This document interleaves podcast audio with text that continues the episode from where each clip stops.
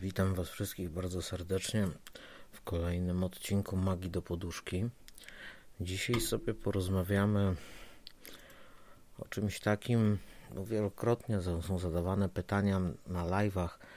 Te pytania, mm, ja na nie odpowiadam zdawkowo, w sposób prosty i zrozumiały, definicyjny wręcz często, ale mm, przy współczesnym rozwoju samej magii, nie mówiąc o nauce, niektóre pytania, które kiedyś można było odpowiedzieć w sposób definicyjny, przynoszą głębszą refleksję. Dzisiejszy temat magii do poduszki to zobiektywizowana, a zindywidualizowana struktura rzeczywistości. Jakie są między nimi różnice? Która jest wspólną rzeczywistością dla nas wszystkich, a która jedynie fałszywą projekcją naszego ego? No i oczywiście, jak rozróżnić te dwie rzeczywistości? Bo to jest tak, jeżeli coś jest zobiektywizowane, to jest takie samo dla wszystkich, czyli jest tożsame e, ze względu, bez względu na punkt obserwacji e, tego zjawiska, tej energii, tej materii, nieważne co to będzie. Wtedy można powiedzieć, że coś jest zobiektywizowane. Natomiast niestety fizycy już dawno odkryli, że nie ma mm, takiego miejsca we wszechświecie, które by było ostatecznym obiektywizmem, czyli miejscem, które pozostaje w bezruchu. Zawsze jesteśmy w jakiejś względności jakiegoś ruchu względem czegoś, względem kogoś. I teraz tak, skąd więc pojęcie zobiektywizowanej rzeczywistości? Ponieważ pewne rzeczy są do siebie podobne, ponieważ E, rzeczywistość to jest to, co poznajemy rodząc się. E, nasz umysł programuje się bardzo szybko i rozwija od momentu narodzin. To jest chyba najprężniej, najszybciej rozwijający się organ w ciele noworodka. A e, oczywiście mówimy tutaj o prawidłowym rozwoju w prawidłowych warunkach, prawda?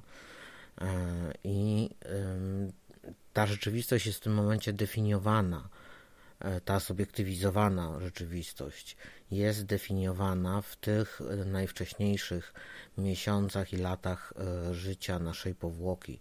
I tutaj e, poprzez mm, brak obiektywizmu w tym subiektywizowaniu, czyli mamy narzucaną wersję rzeczywistości na początku przez rodziców, E, czy opiekunów, dziadków, e, przedszkolanki, e, nie wiem, opiekunek, opiekunki, opiekunów, którzy już mają wspólną, subiektywizowaną wersję rzeczywistości, tak samo zresztą wpajaną w nich, jak ta w Was właśnie jest wpajana.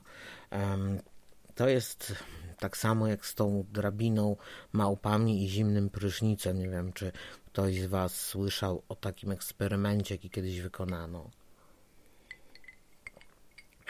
Mianowicie do klatki z małpami, których było tam chyba, nie wiem, 10, wstawiono wysoką drabinę i na szczycie drabiny umieszczono kiść z bananami. E, jednak patent polegał na tym, że która, jeżeli jakaś małpa weszła na drabinę i prawie już sięgała bananów albo wzięła któregoś z banana, z bananów, e, technik e, czy tam naukowiec uruchamiał traszacze takie jak przeciwpożarowe, mm, jak często można zobaczyć na amerykańskich filmach z lodowatą wodą. Oczywiście wszystkie małpy dostawały prysznic, nie tylko ta, która była na drabinie, prawda? Więc małpy dosyć szybko nauczyły się, żeby po te banany nie wchodzić, zwłaszcza, że są karmione normalnie, że dostają jedzenie, nie są głodzone, że mają tylko te banany na tej drabinie. I w pewnym momencie y, zrobiono taki numer, że jedną z małp po prostu zabrano do innego, do innej klatki i wprowadzono małpę, która była w ogóle z zewnątrz. No i ta małpa wprowadzona z zewnątrz, pierwsze co zrobiła, no to ciachna tą drabinę i po te banany. Jednak nie doszła nawet do połowy, bo inne małpy po prostu ściągnęły ją z tej drabiny nie pozwoliły jej na nią wejść, bo wiedziały co się stanie. I ciekawość, bo co jakiś czas podmieniano kolejną małpę i kolejną małpę. I w pewnym momencie nie było w tej klatce z drabiną i bananami żadnej małpy, która dostała prysznic zimny. Z tego pierwszego czy tam drugiego razu, zanim się nauczyły, że to tak działa. Te małpy, które zostały gdzieś tam kiedyś oblane tą lodowatą wodą, zostały wszystkie wymienione a pozostały tylko te, które weszły do klatki znacznie później. I za każdym razem, kiedy podmieniano znowu małpę, reakcja była taka sama. Chociaż nie było doświadczenia empirycznego, to można było powiedzieć, że drabina z bananami stała się formą, formą kultu religijnego pomimo tego, że nie było doświadczeń empirycznych wśród grona tych małp, one były w pełni przekonane, że tak właśnie się stanie, bo gdzieś tam, gdzieś tam kiedyś ktoś powiedział, że coś takiego nastąpiło. I to właśnie nazywamy zobiektywizowaną rzeczywistością. To, co jest w nas wpajane od momentu narodzin, jest wpajane według jakichś tam pokrewnych sobie algorytmów na tyle pokrewnych, że większość ludzi rzeczywistość postrzega mniej więcej tak samo, dlatego możemy o niej powiedzieć, chociaż to jest w sumie daleka analogia, że jest to rzeczywistość zobiektywizowana, bo czasami wystarczy do tej rzeczywistości zmienić jedynie perspektywę, a cała rzeczywistość ulega całkowitej przemianie. Ale to już później, za chwilę o tym. Co to jest zindywidu zindywidualizowana e, rzeczywistość? To jest taka rzeczywistość, która, którą tworzymy my sami, ale nie na podstawie świadomej kreacji czy metakreacji intencyjnej, tylko na zasadzie ego. E, na zasadzie fałszywego obrazu e, naszej osobowości, który jest oparty o opinie innych na nasz temat. Więc w tym momencie e, ta struktura, ona jest całkowicie fałszywa. I ona nie istnieje tak naprawdę, ona istnieje tylko w naszym umyśle, nawet nie w e, podświadomości, czyli nie tam, gdzie są czyny sprawcze, e, wykonawcze, do, na, do, e, które mają jako taki wpływ na strukturę rzeczywistości, prawda? Tylko ona istnieje jedynie w świadomości, która po pierwsze ma jedynie 20% możliwości jakiejkolwiek ingerencji decyzyjnej w strukturę rzeczywistości, więc praktycznie w ogóle nie ma żadnej. To jest jedna sprawa. A druga sprawa, że sam fakt już tych 20% iluzorycznego tworzenia rzeczywistości na podstawie opinii innej, po prostu indywidualizuje ją tak bardzo, że staje się ona odrębną rzeczywistością, odrębną kreacją rzeczywistości, która nie ma nic, absolutnie nic wspólnego z tą ogólnie zobiektywizowaną, o której mówiłem przed chwilą. I to są też od razu wymieniłem tutaj główne różnice pomiędzy jedną a drugą strukturą rzeczywistości. Oczywiście e, w magii Dlatego mówi się, że w magii nie ma ego, ponieważ mag nie może posiadać czegoś takiego jak ego ze względu na to, że y, swoją całą energię i moc kreacji przekształcałby jedynie i e, pakował w ułudę, fałsz, iluzję, czyli nie osiągnąłby nic. Często dlatego właśnie e, ludziom nie wychodzą rytuały, ponieważ e, nie pozbyli się do końca ego i dalej mają fałszywy obraz nawet tej sztucznie zobiektywizowanej struktury rzeczywistości. Nawet e, na to nie mają wpływu, mogą wpływać jedynie na tą swoją zindywidualizowaną wersję zobiektywizowanej struktury rzeczywistości. A ten wpływ y, oczywiście następuje tylko tam, gdzie istnieje zindywidualizowana struktura rzeczywistości, czyli w świadomości danego człowieka. I tam ona może dokonać się w nią jakieś przemiany, zmiany, nawet bardzo duże, ale niestety ta e, wersja rzeczywistości istnieje jako kreacja jedynie w e, świadomości danego e, człowieka, danego bytu. Teraz tak.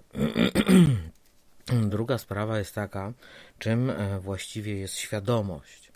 E, bo tutaj rozmawiałem z jednym z moich adeptów krótko przed nagrywaniem tego odcinka i on zadał mi takie pytanie i dodatkowo myślę, że tutaj do tego live'a właśnie, żeby zrozumieć strukturę obiektywną, taką strukturę świadomości, trzeba zrozumieć, czym jest sama świadomość. Bo świadomość to jest ta część chaosu, w której na skutek nieustannych, nieskończonych, nieskończoności, ciągłych przemian i zmian wzorców energetycznych, e, ta cząstka zyskała świadomość samoistnienia. Stworzyła się odrębna matryca kreacyjna. To jest świadomość. To jest coś, co powstało zupełnie przypadkowo. Całkowicie losowo. Dlatego ludzie tak bardzo nie lubią magii chaosu, teorii chaosu. I tak bardzo chaos ma dla nich negatywny, perioratywny wydźwięk, ze względu na to, że zakłada, że nie ma tak naprawdę niczego. W chaosie istnieje tylko ta kreacja intencjonalna czy intencyjna, którą ja w tym momencie podtrzymuję siłą mojej woli. Jeżeli rozproszę tą kreację intencyjną, to po prostu całość się rozpadnie dalej w chaos. Jeżeli moja świadomość samoistnienia, czyli mój wzorzec energetyczny, można powiedzieć, ulegnie rozproszeniu, cała moja e, metakreacja intencyjna rzeczywistości, jej obiektywnej czy subiektywnej struktury, ulegnie destabilizacji i rozpadowi. Natomiast e, e, dlaczego się nie rozpada w takim razie e, rzeczywistość po śmierci jakiejś osoby? Ze względu na to, że, mm, tak jak mówiłem, ta zobiektywizowana struktura rzeczywistości jest nas trochę tam prawie 7,4 miliarda istnień ludzkich chyba na tej planecie, którzy kreują mniej więcej rzeczywistość w ten sam sposób. Więc jak tam zabraknie kilku milionów w jedną czy w drugą stronę, to się, e, jak to mówią, świat nie zawali. I dosłownie tak by się nie stało.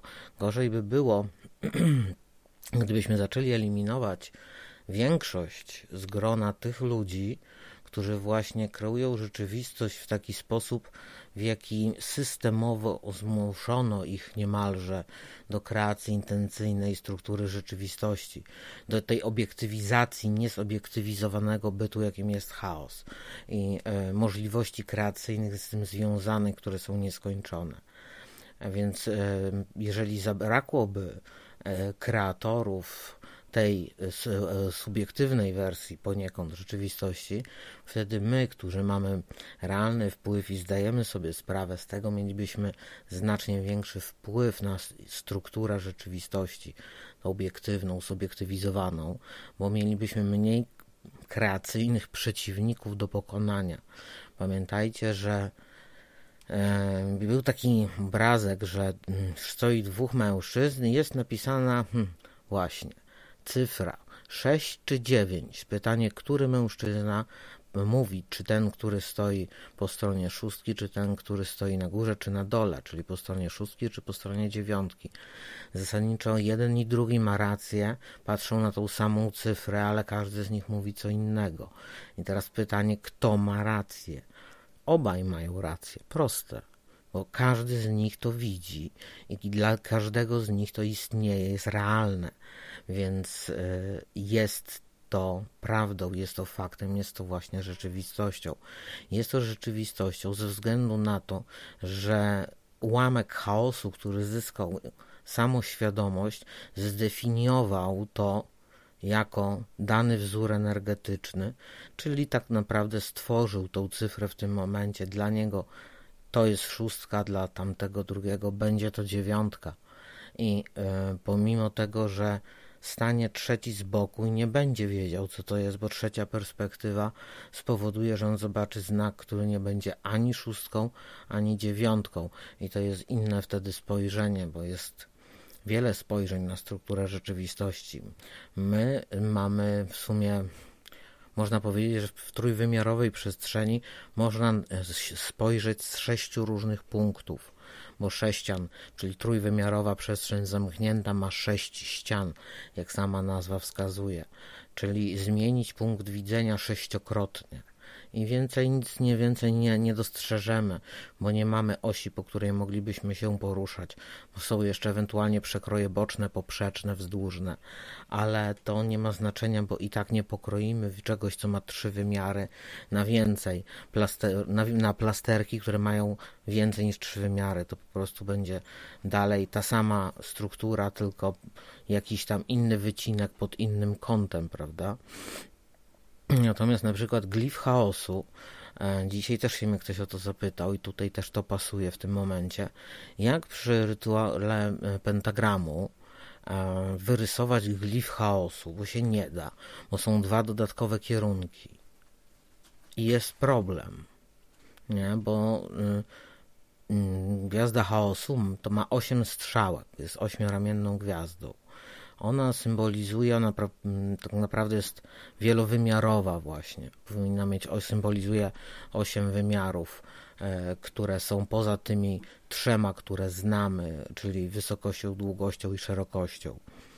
E, to jest e, glif chaosu. Jego nie można narysować, bo nie można narysować jedenastowymiarowej, znaczy ośmiowymiarowej przestrzeni w trójwymiarowej przestrzeni, bo to jest niewykonalne. To jest tak, jakby wam kazali narysować czterowymiarową, znaczy trójwymiarową przestrzeń na dwuwymiarowej kartce. Można oszukać oczy e, i, i stworzyć złudzenie głębi tak, e, rysunku czy, czy grafiki, nie ma problemu, ale to będzie już iluzja, to jest złudzenie, a nie e, pokazanie e, głębi rzeczywistej struktury rzeczywistości, bo nie włożymy ręki w obraz, prawda? To nie jest kreskówka, że można namalować sobie drzwi, otworzyć przez nie przejść. Niestety tak się nie da. Ale wracając do tej obiektywnej i subiektywnej, czy też zindywidualizowanej struktury rzeczywistości. E, kończąc ten wykład, pamiętajcie, że działającego e, i patrząc na świat z punktu widzenia opinii na wasz temat, zdania na wasz temat, czy to będzie negatywne, czy pozytywne zdanie, opinia, nie ma to żadnego znaczenia. Budujecie swoją rzeczywistość, która jest oparta na kłamstwie.